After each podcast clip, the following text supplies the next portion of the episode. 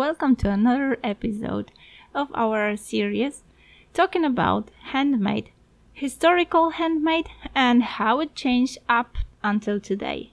We'll be talking about another handmade technique that you can meet in Poland. Enjoy! Polish handmade, history and present times. Welcome to another episode of a series of interviews with handmade artists from Poland. You will find the original interview in a previous episode, and here I just quickly sum it up for you in English. Today, I'll introduce bobbin lace technique that we discussed with Monika Przeciszowska. I must admit, it is not a popular technique, even for me, and it was extremely hard to find an artist who would gladly tell us the story of such handmade art. Monika cultivates bobbin lace for nearly 15 years. Even though she met this technique as early as in primary school, she admits that only after some time did she start to see how properly create her own works. She has come across this technique in an international festival of bobbin lace in Bobowa, Poland. She found out that there are also workshops there. She did not need much more of an incentive. she just jumped into a bus and went to Bobowa to try it out. And basically, that is how the whole story started for her. She mentions jaw dropping lace, embroidery, all the magnificent works of handmade art she got inspired by in Bobowa. She laughs about her very first trials during workshops when she was sweating nervously about simple work. She says her first work was not maybe very spectacular, but made her totally fall in love with this technique, once and for all. Linen thread was the first obstacle.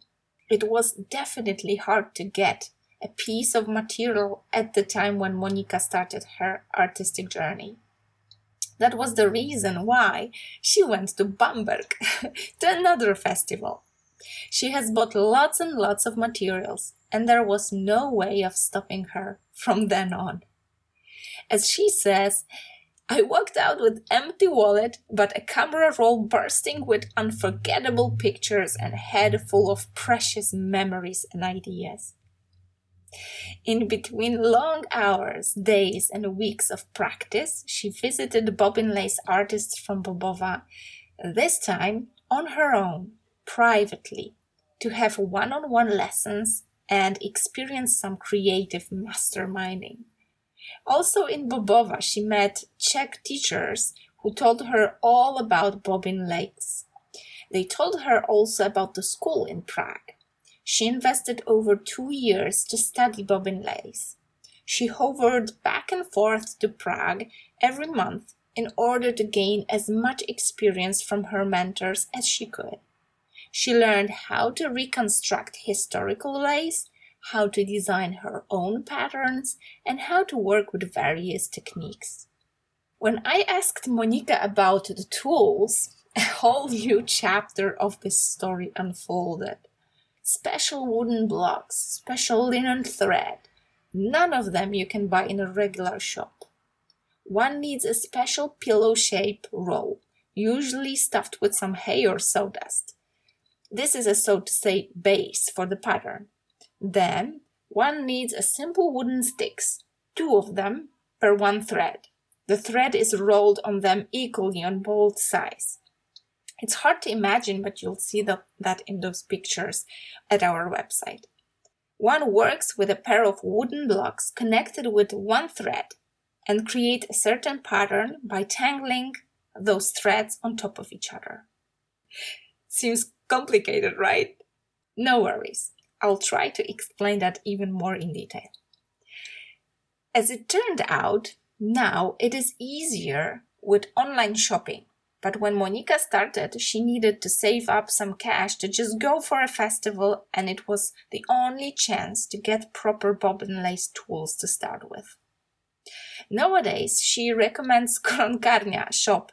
Uh, that's a shop owned by Monika Mady, she recommends. And she just mentions she dreams of her own shop with bobbin lace equipment. I keep my fingers crossed for you, Monika. I really hope you will find this shop for you. Then I know where to go to buy some stuff. We talked a bit about basic patterns. One very similar to weaving, and the second more advanced. Monika mentioned those two patterns as, so to say, basic ones. But I must admit it is no talk for a podcast, so I'll skip that. One thing I think worth mentioning is that the level of advancement and difficulty can range like within the bobbin lace from two, four, or six wooden blocks with threads on them up to even 200 or 400 pairs of threads simultaneously. Monika worked with 128 threads at once to create a pattern for a scarf. That is her record up to now, but she mentions those works that require even 400 pairs of threads. That's something, right? Personally, I think now I regret we haven't had such classes at my architectural studies. I just can imagine how would that improve my spatial imagination. Monika just added that people who, as she says, are good with numbers, those people are fluent at quick grasp of bobbin lace technique. Maybe it is because one works with four threads at the same time and quite, there's quite a lot of counting so that that skill may come in handy. But that's not prerequisite, don't worry. As Monika admitted, bobbin lace looks very complicated to a newbie, but it turns out that it's not that hard when you just try it out. Okay, but let's go back to a basic question. What is there that we could create with the use of this technique? Quite frankly, as Monika says, Sky is the only limit. She mentioned scarves, jewelry, both flat and three dimensional jewelry, pictures, also flat and 3D, bags. Even she mentioned a Spanish gateway as an example, like, you know, gate to your property, made with the use of this technique. As it shows, one may use both very thick and very thin threads to experiment with it. Not only a traditional linen thread may be used for plotting, one may use paper wires, leather straps, metal strings, and also some beads or add some decoration. Limitless possibilities. I could not skip the question that is always somewhere at the back of my mind when I come across a technique I have not yet tried before. Where did it all start? Well, Monika placed the origins of lace technique somewhere in even ancient times, where pieces of clothing were so precious that there were some extra endeavors to protect it with additional bobbin lace or like lace kind of plotting.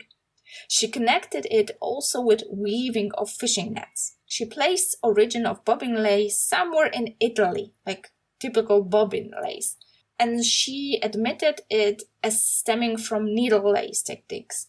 She mentioned patterns from needle lace use at first for bobbin lace with slight modifications. That's why she traced it to this needle lace technique. So called Italian reticelle, I hope I pronounce it right, uh, reticelle lace, can be traced as an ancestor of bobbin lace patterns. As the latter one was a bit easier or simpler to make, it started spreading quickly around Holland, Flanders, France. Each region had its spectacular individual style. Monika mentioned historical gorgerettes. I also hope I pronounce it well in English. You know, those like things around your neck. They started small and then grew bigger and bigger with time. We probably remember those big ones on old paintings depicting kings and nobility. Lace was a sign of status. There were even royal edicts that forbade wearing laces that were too sumptuous. As Monika admitted, one could even get three villages for the price of a good lace. Imagine that. That's a food for thought, by the way. Right in the 15th or 16th century, handmade was worth a fortune, and you know, how about now? Monika admitted that bobbin lace, as always in general, has lost its price and status when special lace producing machines were invented. That was around 19th century. When we discussed Polish history of bobbin lace, Monika admitted that it was probably brought with many other novelties with Queen Bona, but she does not trace a place that would give bobbin lace its typical Polish style as in other European headquarters, so to say. Only in the second half of 19th century, with the school by Helena Modrzejewska in Zakopane, lace started to gain popularity. This second school, after Zakopane, was the already mentioned Bobowa, which is, so to say, lace capital up till now here in Poland. Basic patterns typical to Polish school are inspired by nature, floral motifs or popular plants beginning of 20th century was marked with Polish lace makers achieving highest awards on international lace competitions or world exhibitions like Paris. But unfortunately, Second World War did put this growth on hold. I hope this project will add its brick to building up the awareness of this technique, and our handmade workshops will definitely popularize it even more maybe we'll try to rebuild the greatness of this technique here in Poland? I really do hope so. When I asked Monika how much time one would need to devote to start creating bobbin lace, if this person never tried it before, she admitted it is not so easy. she mentioned around six hours as a basic workshop. She admitted it's not a technique one might easily master from YouTube videos as those popular techniques that we can, you know, meet now. She admits she still discovers some new patterns, techniques, like new ways, despite the fact that she has been working with bobbin lace for over 15 years now. She still finds a lot of room for her own unique style, modern inspirations, or contemporary changing fashion for various materials. To be honest, what Monika said about bobbin lace, its possibilities to smoothly transition from flat lace into three like three-dimensional forms, it made my imagination, you know, grow into, you know, handmade frames full of lace pictures turning into kind of multi-dimensional works of handmade art as, for example, household decoration. I hope we will explore these ideas and share it with you, like when the time will come in the future. But let's go back to the main uh, thread. We both, with monika share this love for natural materials, such as you know recycled cotton ropes, even recycled jeans or simple T-shirts. We both think that raising eco awareness by maybe lacing up some old plastic bags is a way to go. Both to popularize this technique and shed some light to more serious modern world problems. When finishing our interview, I asked Monika how could one prepare for a bobbin lace workshop. I can gladly invite you to such workshop here in Poznan. Hopefully, this is the first of many next to follow. As I record this, we are in the middle of our corona pandemic, so that crossed out a lot of workshops we were planned to make. But I hope that nothing will, you know, skip our attention in the future. Monika just advised having fun with it, treating such art with a dose of humor and no stress, as it makes it whole world easier.